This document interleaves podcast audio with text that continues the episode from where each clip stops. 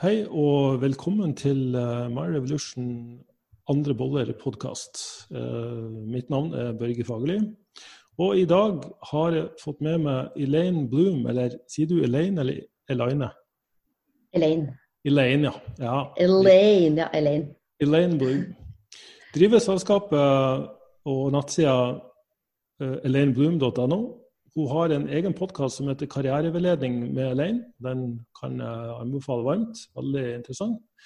Hun uh, burde også være kjent for mange fra NRK-serien 'Karriereveilederen'. og Det er liksom blitt hennes greie, da. Uh, Utdanna pedagog, tatt flere fag på BI, sertifisert NLP, uh, leader master coach. Uh, tar en master i karriereveiledning. Det er liksom ikke Dette er liksom en, en ei dame med en eh, vanvittig kapasitet. Jeg kjenner henne jo fra AFPT, der vi begge har vært forelesere i mange år. Og hun er da ansvarlig for fagfeltet kommunikasjon og coaching. Og har også utvikla hele den mentaltrenerdelen av studiet. Og eh, som jeg kjenner, er jo hun den som desidert får de beste scorene og rankingene og tilbakemeldingene fra både andre forelesere og, og studenter. Jeg eh, har jo vært i treningsbransjen siden 2004, og eh, som jeg forstår det, da, så er liksom din store lidenskap det er liksom det skjæringspunktet mellom mental og fysisk helse, og at eh, liksom, det her med karriere det kan liksom ikke ses på som en isolert del av livet, men, men at det er liksom en, en del av hele greia, da. Stemmer ikke det? Du, det stemmer, Børge. Og først og fremst tusen takk for eh, at du spurte meg å være gjest. Det her har jeg gleda meg virkelig til. Mm. Eh, og som du sier innledningsvis, takk for en fin beskrivelse, så er det jo sånn at karriere For det første, det er to ting jeg har lyst til å si. Og det ene er at begrepet karriere er det ingen andre som kan definere for deg enn deg selv. Det er det du som må innholdsdefinere. Eh, for jeg tror mange tenker at karriere er lik jobb. Mm. Men sannheten er at det er karriere å være hjemmeværende mamma. Det er karriere å jobbe frivillig. Det er karriere å ta seg av syke foreldre. Eh, noen finner masse mening og inspirasjon gjennom jobben eh, og har det som karriere. Andre går på jobb fra åtte til fire, syns ikke det er så spennende, men har masse mening og glede. Og kanskje en karriere utenom jobben, mm. om det gir mening. Ja. Um, så jeg tror de, de strukturelle og, og liksom globale samfunnsnarrativene vi har hatt med oss ja, de siste 100 årene, holdt jeg på å si, og det er jo da også karriereveiledningsfagfeltet ble starta i 1909, er jo at eh, karriere og jobb henger tett sammen. Mm. Og de gjør jo det, de henger jo sammen, men jeg tror hadde man satt seg ned og virkelig reflektert over hva vil jeg innholdsdefinere det begrepet med? Mm. Hva er mine subjektive karrieresuksesser, altså alt med mening, interesse, der du får påfyll, kjenner driv, indre motivasjon? Og hvor viktig er de ytre på en måte karrieresuksessene, lønn, hvor jeg jobber, altså alt det som, vi drives av som er det ytre. Så det er på en måte det første, i og med at temaet i dag er karriere, at jeg er verken noe guru eller har fasit på hvordan folk skal leve livene sine eller velge karrieren sin. Man må på en måte jobbe med å innholdsdefinere det selv, eller selvfølgelig sammen med andre. Og nummer to er at karriere kan ikke anses som isolert fra resten av livet. Og hvis du ser for deg et kakestykke eller selve livshjulet, så har vi jo både fysisk helse, psykisk helse, vi har jo økonomi, nære relasjoner, vi har hobby, personlig utvikling, spiritualitet. Mm. Alle disse tingene som er en del av hvem vi er. Og karriere, for et eksempel, da, karriere hvis det er trøbbel med, med, jobben, for å si det, hvis du har det tøft på jobb, så vil det naturlig for mange slå ut på andre arenaer i livet. Ja. Og påvirke både fysisk og psykisk helse. Så karriere befinner seg jo i skjæringspunktet der mellom både de psykologiske livsvilkårene og psykologiske aspekter, men også den fysiske biten. Noen blir jo utbrente, utslitte. Noen har masse energi og overskudd når de, når de går på jobb eller tenker karriere. Så her, når man snakker om karriere, så er det et veldig vidt begrep. I hvert fall blitt. Og jeg syns det er fint at ingen andre skal fortelle deg hva din karrieredefinisjon skal inneholde. Mm. Det er liksom det som er refleksjonene knytta til det, da. Fra ja. min side. Veldig fint perspektiv å få på det, uh, og, tenke på det på den måten. For jeg tror mange kanskje har en sånn altså, let's face it, Vi bruker over halvparten av livet vårt og over halvparten av dagen vår på, på jobb. Eh, og, og, i jobbmodus. Sånn at hvis, hvis det her utgjør en stor stressfaktor eller belastning fordi man ikke har eh, trives i jobben eller eh, føler at du følger din, uh, din, retning i livet eller meninga med livet, så, så, så, vil jo det her påvirke alle andre områder i livet ditt også. Ja, og så er det noe du sier da med retning i livet. ikke sant? Og hva er suksess? Og det er et begrep som noen fant på. Det er et ord. Ordet suksess var det som noen fant på for mange mange hundre år siden. Og så er det jo opp til hver av oss å også innholdsdefinere det. Og det er klart at Jeg har møtt folk som opplever mening og mestring og lykkes med å ha en karriere de virkelig brenner for. Men som jeg sa i stad, så har også møtt de som gir litt beng i jobben sin eller karrieren sin. De gjør det de skal fordi de trenger pengene. Og så mm. gjør de andre meningsfulle ting utenom jobben. Så jeg tror det handler om å finne en sånn sunn balanse mellom arbeid og privatliv. Sant? Og det betyr ikke at eh, jobben eller karrieren ikke kan være altoppslukende, men det er disse sette av tid til å gjøre seg av disse refleksjonene. Mm. Er jeg en jobb jeg ikke trives i, hva handler det om? Ofte ja. sier folk nei, men jeg vil bort fra den bransjen. Men så begynner vi å jobbe, så er det ikke bransjen. Det kan være arbeidsoppgavene isolert, eller det kan være kollegaene. Så hele tiden, spesielt innenfor karriereveiledning, så gjelder det å, å tørre å snu kameraet litt innover og jobbe med noe som jeg er ekstremt opptatt av. Det er liksom cut the crap, no bullshit, personlig ærlighet. Vi, vi, kan ikke endre noe vi ikke er bevisst, Børge. Og hvis vi skal gjøre oss disse litt store, men viktige refleksjonene, så trenger vi å sette av tid, kanskje sammen med noen vi stoler på, eller oppsøke en karriereveileder. Og det fins gratis, det tilbys gratis karriereveiledning for alle over 19 på alle de fylkesvise karrieresentrene i Norge. Så dette er mm. ikke noe sånn promo, nå skal alle ta kontakt med meg for jeg er så bra. Så det, det handler om at det, det, er mulighet for å oppsøke gratis karriereveiledning også. Det finnes karriereveiledere på videregående skole, på høyskoler. Og jeg har ikke tro på at man alltid skal løse alt i eget hode. Nei. Det er sunt å snakke med noen, men jeg tror i det sekundet man søker råd eller søker noen å snakke med, så må man ha et par tanker i hodet. Hvor kommer dette mennesket fra mentalt og med sin karrierehistorikk? Hvorfor anbefaler de ikke denne retningen? Hvorfor syns de jeg skal gjøre det? Fordi sannheten er at jeg er jo bare ett subjektivt menneske når jeg snakker med et annet menneske. Ja. Så hvis, hadde, hvis, jeg hadde sagt at Børge, jeg har lyst til å begynne å jobbe som PT, og så sier du ja, det er helt fantastisk, du har god fartstid og masse erfaring. Men så treffer du en annen som ikke har lykkes som PC, og de sier nei, vet du hva, det er kjempevanskelig yrke, det må du aldri gå for. Så det er noe med å trene på å orientere seg utover og snakke med folk, fagfolk, venner, familie. Men det å trene på personlig ærlighet og kunsten å stole på seg sjøl og begynne å våge å orientere seg innover. Ja. Jeg har en klokketro på at vi alle veit egentlig, hvis vi begynner å rote litt rundt, hva vi vil, hva som er riktig og viktig for oss, men drukner i alle yrkene, alt som skjer på Instagram. Altså, vi blir bombardert med så mye inntrykk. Ja. Og eh, det er en teori fra karriereveiledning, fantastisk spennende teori som er ganske ny, som heter The Chaos Theory of Careers. Første setningen i den boken sier at livet er et usikkert, uforutsigbart og komplekst prosjekt. Ja. Hvorfor folk finner det så vanskelig å navigere i karriere at vi, vi, føler at vi må planlegge alt, vi må ha så mye kontroll. Mm. Sant? Så det å, ja. trene på å, å, navigere utover, orientere seg innover, og av og til også slippe litt kontroll når du kommer til egen karriere. Og Det betyr ikke at ikke vi skal planlegge og sette oss mål, men sannheten Børge, er at ja, du veit ikke helt hva som skjer om et halvt år. Nei, nei, det se, på, se på koronaen. Ja, og det er jo en av grunnene til at jeg vil ha det med i dag. fordi um, vi har jo både hørt det fra våre lyttere, men, men, faktisk også blant mine venner og nærmeste, at det, er, det, er, det, har vært en veldig usikker tid. Mange har blitt permittert, mista jobben. Eh, må prøve å tenke nytt. Skal jeg ta en utdanning? Skal jeg velge en ny karriere? Hva i alle dager skal jeg gjøre med, med livet mitt? Og jeg er sikker på at du også kanskje har fått en del sånne mennesker inn hos deg. Så vi har jo gjort det vi kan med å lære folk verktøy for hvordan du kan håndtere egne tanker, og, og kanskje ha en litt mer pragmatisk, strukturert tilnærming til hvordan du skal håndtere både stress og livet generelt. Men det her med liksom å finne mening med livet, mening med eget liv. Hva, hva er din egen passion, og hva, hvordan skal du hvordan skal du få, få, satt ut den i livet? Hvordan skal du manifestere liksom, din livsoppgave da, for å liksom lage et veldig stort og fint ord av det.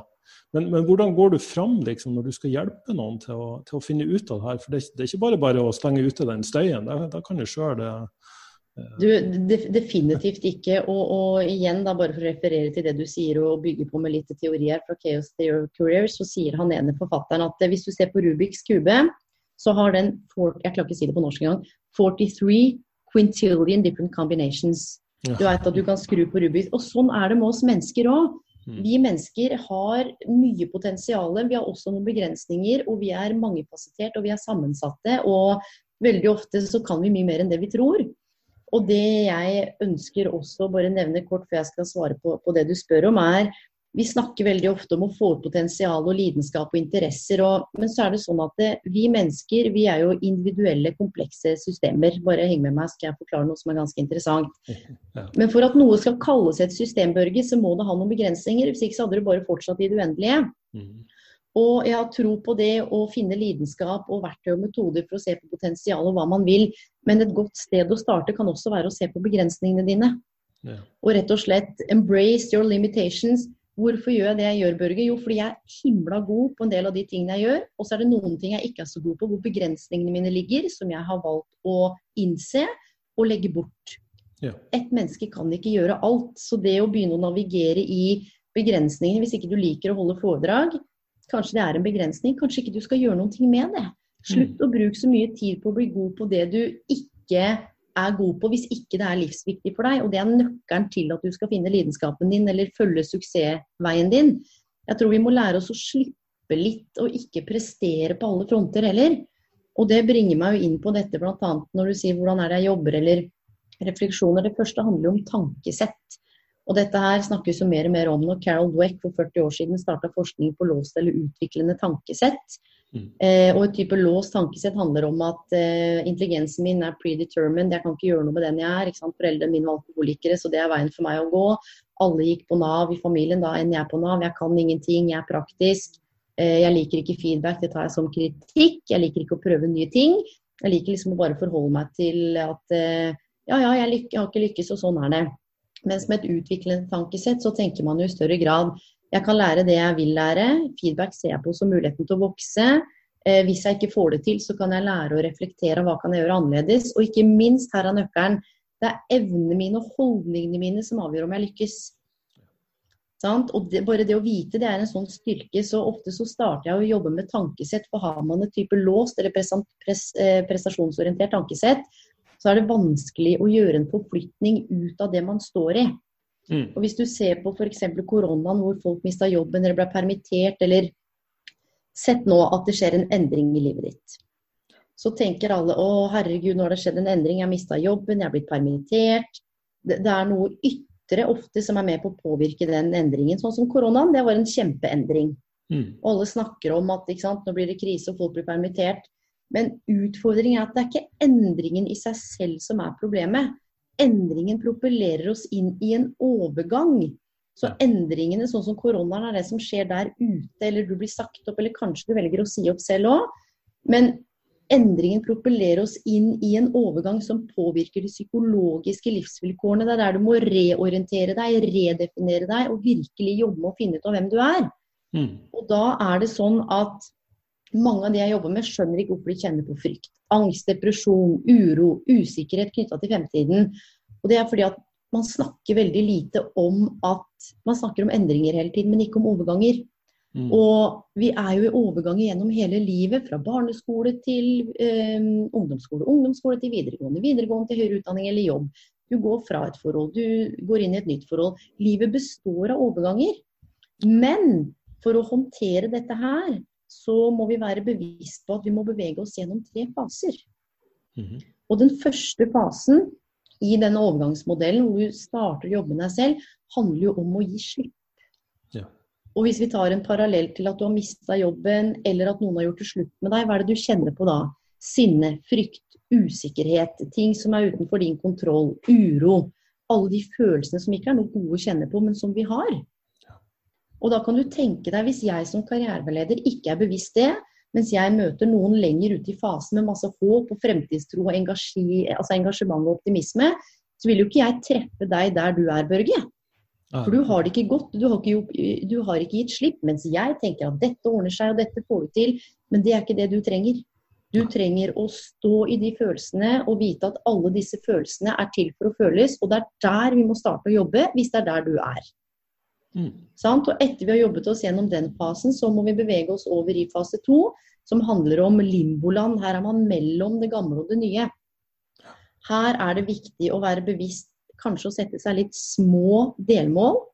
Her kan du se at produktivitet og håp og fremtidstro er der, men ikke helt, for du har ikke fått på plass verdiene dine, misjonen din, lidenskapen din. Du famler lite grann. Det er som å bare sitte på Tinder og sveipe fram og tilbake. Du veit egentlig ikke helt hva du driver med, men kanskje du finner noe. Men her er det også rom for kreativitet og nytenkning. Så hvis jeg treffer noen som på en måte har kommet seg litt ut av det mørke hullet og er på veien i fase to, så jobber vi med konkrete verktøy og Eh, og metoder å kartlegge fase to.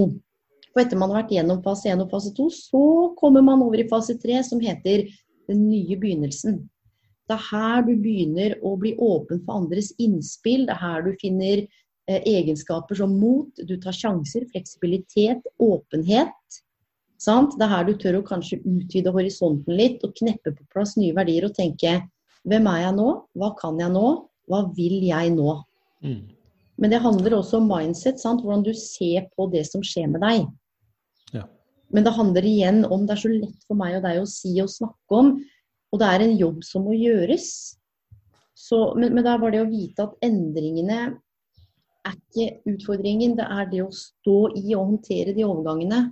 Og jeg jobbet med en som hadde mista jobben etter 20 år. Hun hadde vært i utallige karriereledere. Folk sa men kom igjen, og nå har, liksom, nå har det gått to år sant, på Nav og hele pakka. Så ser jeg på henne så sier jeg, er du i sorg? Så ser hun på meg, så sier hun ja. Mm. Jeg er i sorg. Og vet du hva? Det å miste jobben etter å ha jobba et sted et lang tid, er klassifisert som en traume.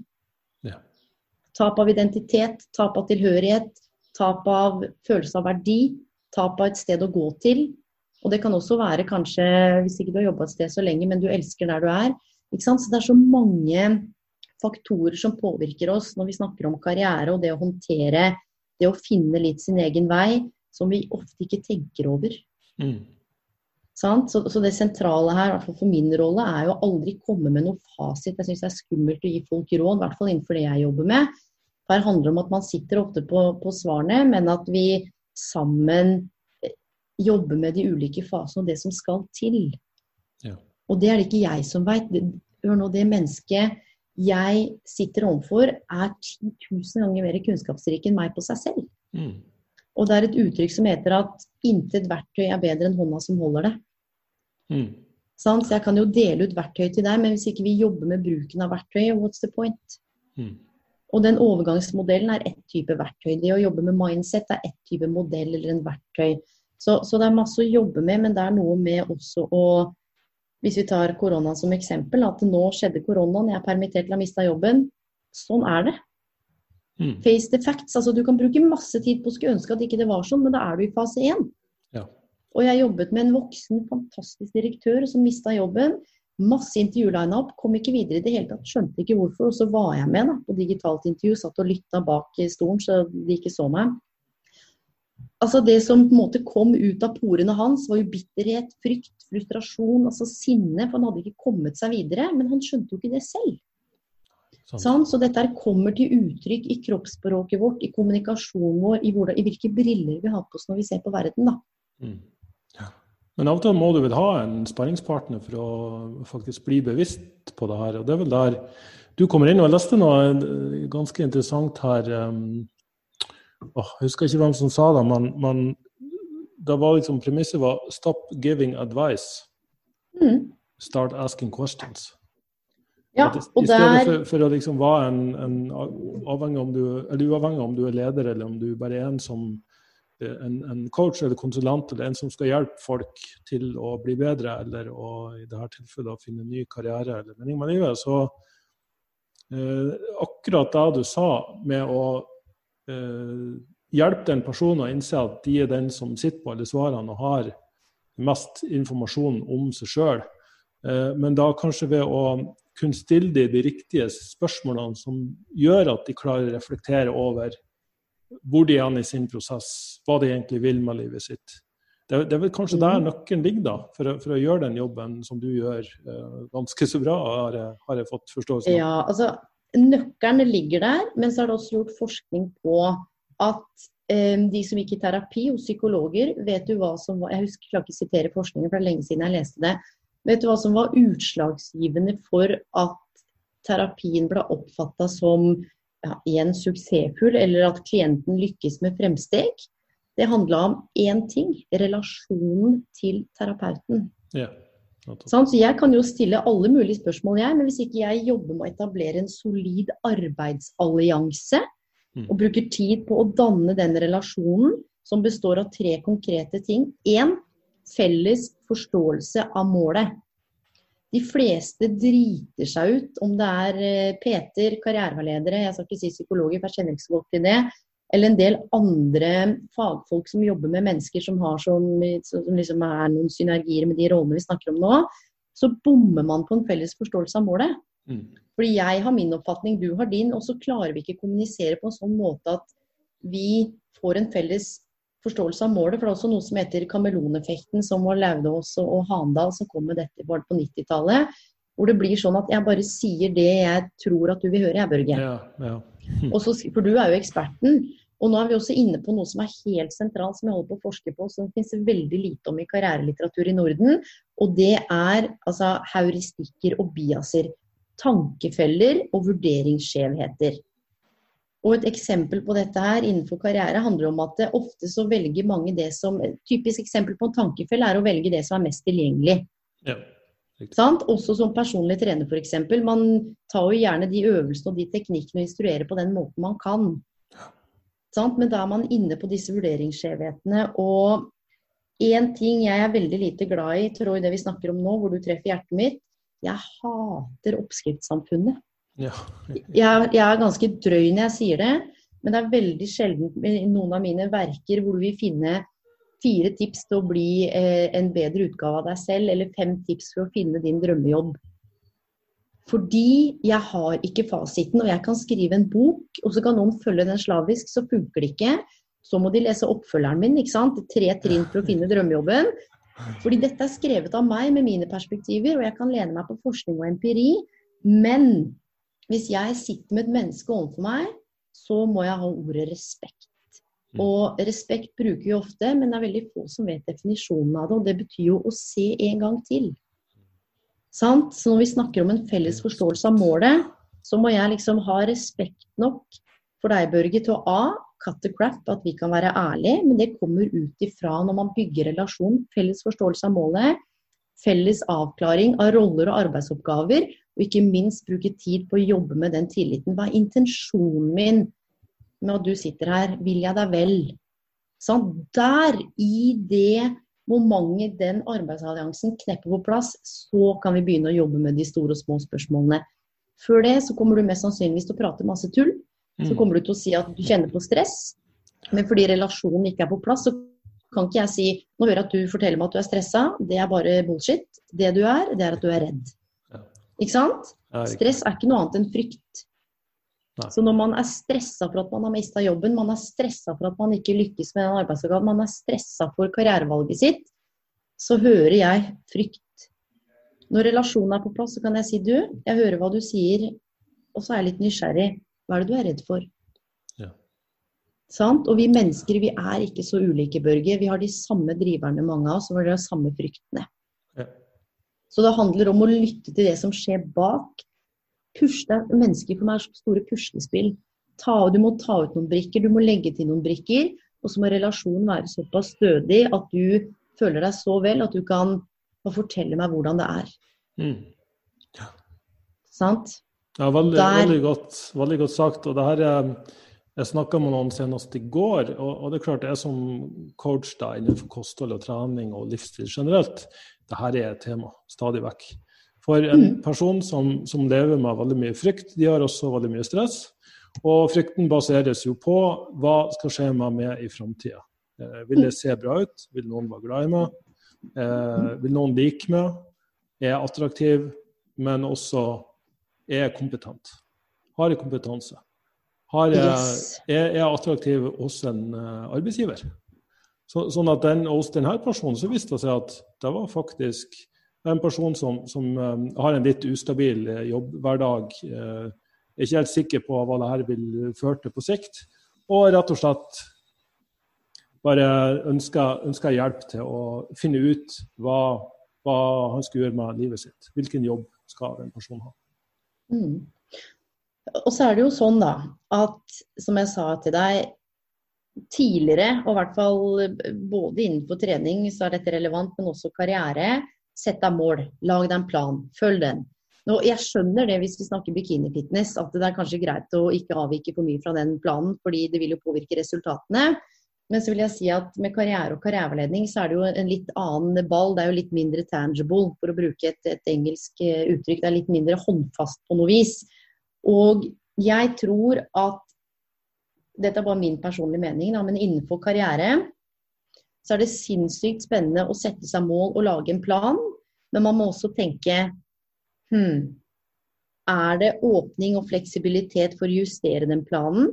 Forkaste den planen, stjele en plan, børste støv av en plan, legge bort den planen? Må jeg endre målsetning? For sannheten er at vi treffer jo folk ofte som eh, påvirker oss igjen med alle disse påvirkningene. Og det at vi mennesker er jo individuelle, komplekse systemer, og vi er utsatt for masse påvirkning. Så kan det være at noen gir deg en tanke, en følelse, inspirert. Kanskje du hører på denne podkasten her, og får med seg én ting vi sa, som kan propellere livet eller refleksjonen i en litt annen retning. Og her er det jo så sentralt når du snakker om hva skal man gjøre med fremtiden, hva skal man velge, så må man i hvert fall først også bli bevisst hva som fungerer mentalt, altså oppi hodet. Og jeg skal gi et lite eksempel, fordi jeg hadde en, en ung, flott jente på 22. Hun hadde drømt om å bli advokat hele livet. Har hun kontakt med meg, og nå er hun usikker. Og da med en gang så tenker jeg at vi må alltid tenke her må vi sortere og kartlegge hva er det som er hva. Det viser seg noe så banalt, men det er viktig allikevel, at hun har sett på en annen serie på Netflix hvor det er en som jobber som advokat, som er ferdig utdanna, som har en jobb hun ikke trives i det hele tatt innenfor advokatyrket. Ja. Dette her hadde planta seg som et frø i hodet hennes. Så det hun ubevisst gikk og brukte tid på, det var å se for seg at hun dro seg gjennom dette advokatstudiet, men at i slutten av studiet, når hun skulle ut og søke jobb, så fikk hun en jobb hun ikke trivdes med. Ja. På et helt ubevisst plan. Og disse Hodet vårt svinger mellom fortid og fremtid. Veldig lite i nåtid. Vi er kanskje 40% i fortid og bekymrer oss, og så er vi 50% i fremtid og alt vi tror vi skal kontrollere og tenke på. Lager masse scenarioer og videoer og spillefilmer om hva som skal skje, som påvirker den indre dialogen vår, som påvirker hvordan vi føler oss her og nå. Mm. Nå er jo samboeren min et helt teit eksempel. Samboeren min er ute med sønnen min. Hvis jeg hadde sett for meg nå at han var og luska i buskene hos Karen, at uh, Kirby, samboeren min, istedenfor Skjønner du? Har plassert ja. sønnen min hos bestemor, han er og lusker i buskene. Hvis jeg begynner å se for meg det nå, tenker å herregud, er det mulig? Jeg er jo ikke verdt å elske, jeg skjønner jo det, jeg bare maser. Og så gir det meg en følelse her og nå. Ja. Og når Kirby kommer hjem da, så får ikke han noe hyggelig velkomst. ikke sant? Da blir det mer sånn Hvor har du vært? Ja, riktig. Og det er disse mentale bildene vi har, som vi må være enormt bevisst. fordi det vi begynte å jobbe med, var at det framtidsbildet seks år frem i tid dro hun med seg inn i nåtid, som gjorde henne usikker på den beslutningen hun har vært mest sikker på i hele sitt liv. Ja. Så vi måtte jobbe med å endre det mentale landskapet der fremme. Ja. Og se på hvilke andre alternativer er det. Hvordan kan du bruke tid under studiet på å legge inn aksjer, for du vil jobbe med det.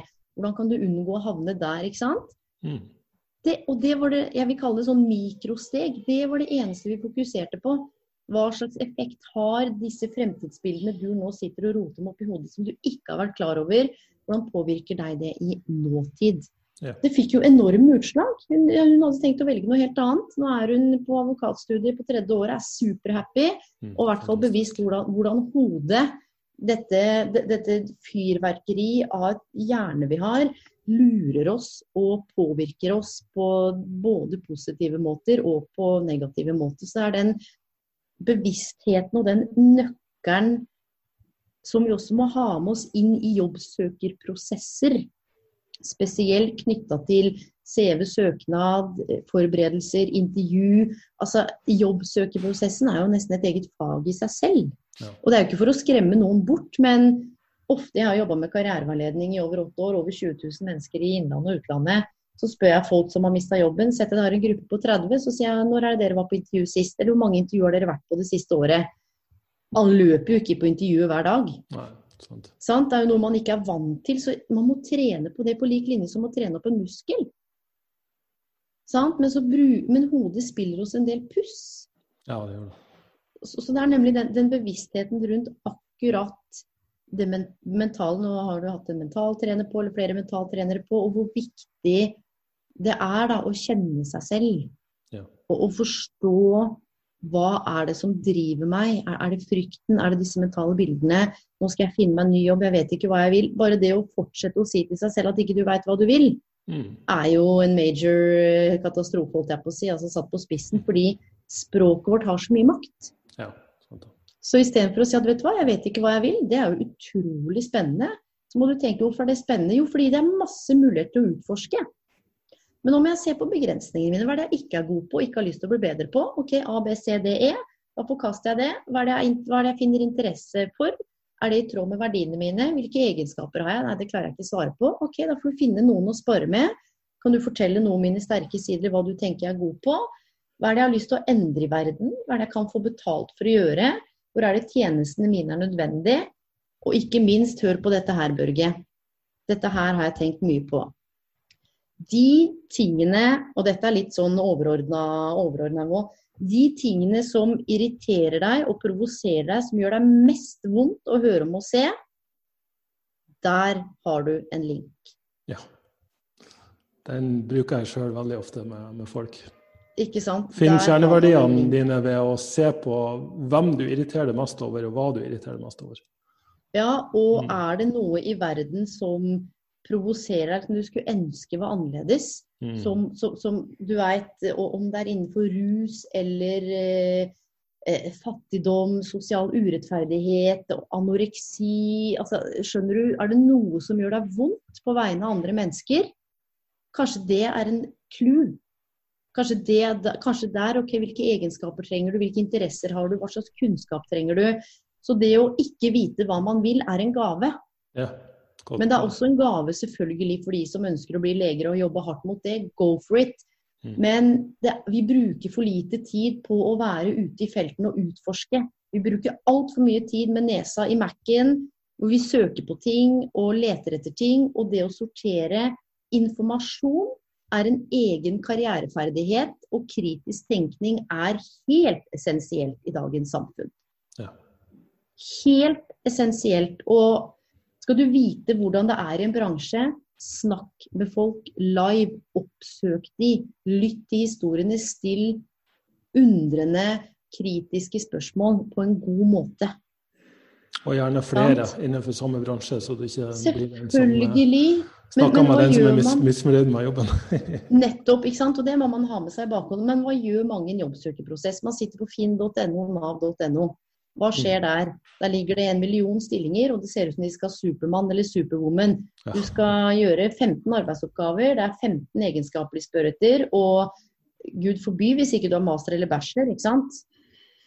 Så, så her gjelder det å på en måte tenke hvilke andre alternativer har jeg. Har jeg en blogg, har jeg gjort noe jeg interesserer meg for, er det noe jeg er god på, kan jeg bruke YouTube, LinkedIn, er det noen jeg kan kontakte? Det å søke jobb er litt som lotto, du må fader meg levere inn kupongen. Folk må vite at du fins. Sånn, så sitte hjemme alene bak PC-en på Finn og Nav og få avslag på avslag, begynne å tro at det er noe galt med deg, så begynner du å søke på ting du virkelig ikke brenner for fordi du må ha jobb, da har du kommet så langt fra kjernen din at da kan jeg garantere deg at du mest sannsynligvis kommer til å trenge karriereveiledning. Ja, veldig godt poeng. Jeg tror mange bare googler seg i hjel på ting. At det blir en sånn uh, Jeg bruker ordet nerd rage, for jeg syns det er litt eh, morsomt eh, Ja. ord på det. At, at den søkeprosessen og den skal finne ut av prosessen blir liksom så voldsom og omfattende at, at du går det faktisk helt bort i det du Du mister perspektivet på det du egentlig ser etter. Ja, og, og du trenger ikke gå deg bort, men igjen skal du få et annet resultat, så må du gjøre noe annet. Og jeg hadde en dame som hadde søkt 293 stillinger. Hun var på vei inn i en depresjon. Husker hun skalv som et aspeløv. Og så sier jeg, men har, har du plukka opp en telefon i forkant av noen av disse stillingene? Nei, jeg vet ikke hva jeg skal spørre om. Vil ikke mase, du vet en del av disse begrensningene vi, vi, ser for oss. Fordi vi bruker mye tid oppi hodet på hva det andre mennesket i andre enden kommer til å tenke om oss. Noe som vi ikke har noe kontroll over. Mm. Så det vi gjorde, vi trente på telefonmanus, tok opp en telefon, og hun har jobbet innenfor regnskap. Så viste det seg at det, den stillingen hun ønska å søke på, handla ikke så mye om regnskap, men mer om kundebehandling. Og det hadde hun jobba med i ti år. Så spissa vi både CV-en og søknaden. For her er noe av trøbbelet med en jobbsøkerprosess, Børge. Jeg har rekruttert i mange år. Copy-paste, copy-paste. Folk ja. klipper og limer. Og så leser man, og så tolker man ikke annonsen godt nok. Mm. Og jeg kan med en gang, for det trente øyet nå, nå har jeg jobba med dette lenge, se om det er noen som har lagt sjela si i dette her. Fått fram hva er motivasjonen din, hva kan du bidra med hva slags overførbar kunnskap har du fra det du har gjort inn i denne stillingen? Hva slags overføringsverdi har utdanningen din, arbeidet ditt? Om du så har jobba på Kiwi for sju år siden, hvordan kan det være relevant? Å få fram akkurat det du ønsker å få fram for at du skal være den rette kandidaten. Men det er for mye floskler. De fleste søknader starter sånn Jeg er en blid og utadvendt jente på 29 år som er ute etter nye utfordringer. Vet du hva, det skjønner jeg. Ja. Altså, ikke sant? Her må man CV, curriculum vitae er livets forløp. Det er et sammendrag av det som har vært. Søknaden er fremtidsorientert. Så det er en egen kunst med denne jobbsøkerprosessen. Og det er klart at det der er jo nettopp det vi snakker om, å samle kunnskap, helt essensielt. Mm. Og mange stillinger blir ikke utlyst, for de går gjennom internt i bemanningsbyråer eller gjennom nettverk. Og det å trene på å nettverke er også en ting innenfor den prosessen her som kan være sentral. Men da ikke si til folk åh, jeg veit ikke hva jeg vil, kan du hjelpe meg å finne jobb? Ikke sant? For da legger man, skyver man litt ansvar over på den andre, men sier vet du hva, jeg har den og den kompetansen og er litt usikker egentlig på hva jeg har tenkt å gjøre, og det ser jeg på som en gave. Hva syns du jeg hadde passa til, eller har du noen tips om hvem jeg skal kontakte? Heller det å spille ball, da. Ja. Det tenker jeg kan være en nøkkel for å få i gang en, en dialog rundt kanskje fremtidig yrkelig, fremtidig jobbsøk. Og, og, det er smart å snakke med andre, Børge. Ja. Jeg syns ikke man skal sitte alene og løse alt oppi sitt eget hode. Nei, det går sjelden uh, spesielt bra. Da kan jeg undertegne det. Uh, mm. var et levende bevis på. Men det syns jeg var veld, veldig bra, Elin Vi skal prøve å ikke la den podkasten gå gå for lenge. Um, hvis uh, jobb, Du jobber via natt, eller har du folk inne på et kontor, eller hvordan, hvordan jobber du mest? Du, både og, holdt jeg på å si. Jeg hadde kontor i Oslo tidligere, så sa jeg opp de for en stund tilbake, og så kom jo korona, så det var jo greit. Så jeg elsker fysiske møter. Alt som skjer mellom ordene, kroppsspråk, så det er så masse man kan fange opp. Men jeg har jo selvfølgelig karriereveiledning digitalt, og i dag tidlig så hadde jeg to karriereveiledning via telefon. Ja. Ikke sant. Så, så, jeg har også måttet snu meg rundt i korona. Nå har jeg brukt det digitale før også, men digitalt, fysisk, altså egentlig hva enn kunden foretrekker. Så jeg har jo kunder fra hele verden, og fra helt opp i Alta, Finnmark, russergrensa, langt ned til Halden. Ja. Så, så, der er det ikke så lett å møtes fysisk. Så da kjører vi digitalt. Men det er jo også et godt mm. bevis på at er det noe denne krisen har vist oss, og med de tingene som skjer i verden nå, man må være tilpasningsdyktig, og at teknologi sannsynligvis blir mer og mer riktig. Også for, uh, for de som kanskje ikke har brukt så mye tid på å oppdatere seg på det, så, så, er det jo på høy tid å gjøre det nå. Ja, og så jeg skal bare kort si noe, for dette bringer meg over til en annen karriereteori av John Crumbolts. Han er en stor teoretiker, og han har noe som heter unplanned happenstance. Og Det betyr rett og slett at livet skjer ja. Så ja, du kan planlegge, men se på koronaen. Som du mm. sa, plutselig er man digital. Det åpner opp helt nye rom innenfor helsevesen, innenfor uh, andre arenaer. Så det gjelder på en måte å, gi slipp på noe av det som jeg sa i stad, hvordan vi tenker at det skal være. Mm. Men heller se at sånn er det nå. Og unplanned happenstance handler jo rett og slett om hun du møter i butikken som plutselig kjenner en som får deg inspirert. Eller hvordan noen lytter på den podkasten som kanskje tar kontakt med deg og, og, finner en ny retning. Eller det handler om å være åpen ja. for det som kommer. Men samtidig så er poenget mitt at det er veldig viktig å presisere at det er et stort gap mellom opplevde valg, altså de valgene jeg i egenskap av å tenke opp mitt eget hode ser at jeg har. Og hvis du hadde f.eks. hatt meg i karriereveiledning, de valgene du opplever at jeg har. Ja. Og det her bringer meg tilbake til dette med overganger. At hvis jeg ikke er bevisst på hvor du står, så spiller det ikke noen rolle at koronaen kom og det digitale er her, eller at jeg ser for meg at du kan jobbe som det ene andre, hvis du ikke opplever det selv. Mm. Og det er en sånn viktig key takeaway når noen sier at ja, men herregud, Børge, dette får du til, du er så sterk, du, du er så flink, du, dette har du gjort før. Men det betyr ikke at du har den opplevelsen at det er mulig å gjennomføre. Mm. Og så sitter den som skal veilede eller jobbe med deg i andre enden og, og ikke forstår hvor du står. Og det er så viktig å være bevisst når man er i møte med andre. Hvor er det man veileder eller coacher eller jobber fra? Ja. Hvis du jobber fra fremtid og jeg jobber fra fortid, så, så, spiller det jo ikke noen rolle hvordan man hiver seg rundt eller hvordan alt er fint og flott. Og jeg skal si deg det digitale som har kommet, det er ekstremt mange ledere som har tatt kontakt, som sliter fordi de har trøbbel med det digitale, som er redd for å avsløre det overfor sine medarbeidere som henvender seg fordi de tenker at de har lyst til å bytte jobb eller hatt behov for karriereveiledning. Og så har det handla om at de nå kjenner seg usikre på et digitalt område hvor de aldri har måttet prestere eller benytte som verktøy før. Sant? Så selv det har vært med på at folk opplever at de må bytte jobb. Ja. Istedenfor å bare kle seg naken og si vet du hva, jeg forstår ikke helt dette med Zoom, jeg. Du Kari, du er jo god på det digitale. Har du muligheten til å hjelpe meg før det møtet jeg ønsker å lære?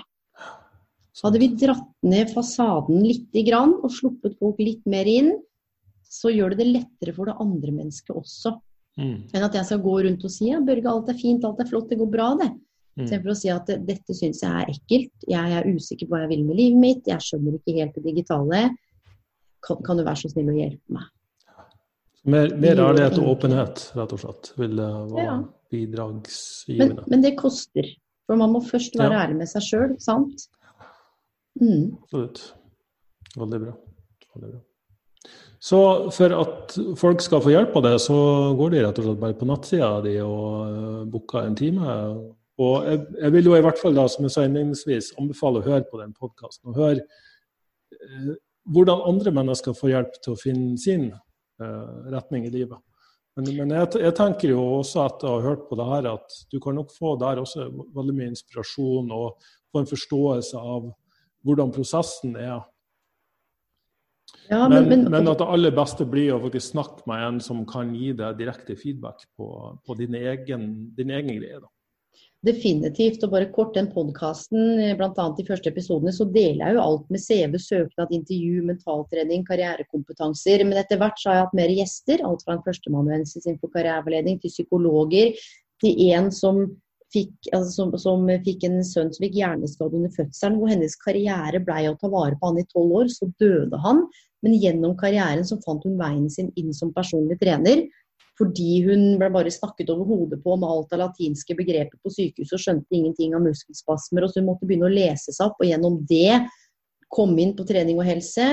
Det har vært en med Tourettes. altså og alle gjestene så gjør jeg et lite karriereportrett, så du får en innsikt i deres karrierehistorikk. Og det som er så sammenfallende, at ingen trodde de skulle være der de var nå for fem eller ti eller 15 år siden. Og det er egentlig livet, det. Sånn. Så, mm. ja, så ja, det er selvfølgelig for de som opplever at de trenger det, å, å finne en karriereveileder, eller finne noen å snakke med som du stoler på. Og det, og det her mener jeg, det er ikke alle som fortjener å høre historien din bestandig noen få utvalgte som du har tillit til. Ja. Som virkelig vil deg vel. Det tror jeg er litt av nøkkelen. Og, og som sagt, det finnes gratis karriereveiledning, det er studieveiledere. Eh, det er ikke så veldig mange private aktører innenfor karriereveiledning. Jeg jobber jo privat for meg selv, men du har jo mange av de offentlige instansene. Så det går an å gå inn på nettsiden, eh, sende mail, men det er klart, jeg er relativt fullbooka. Ja.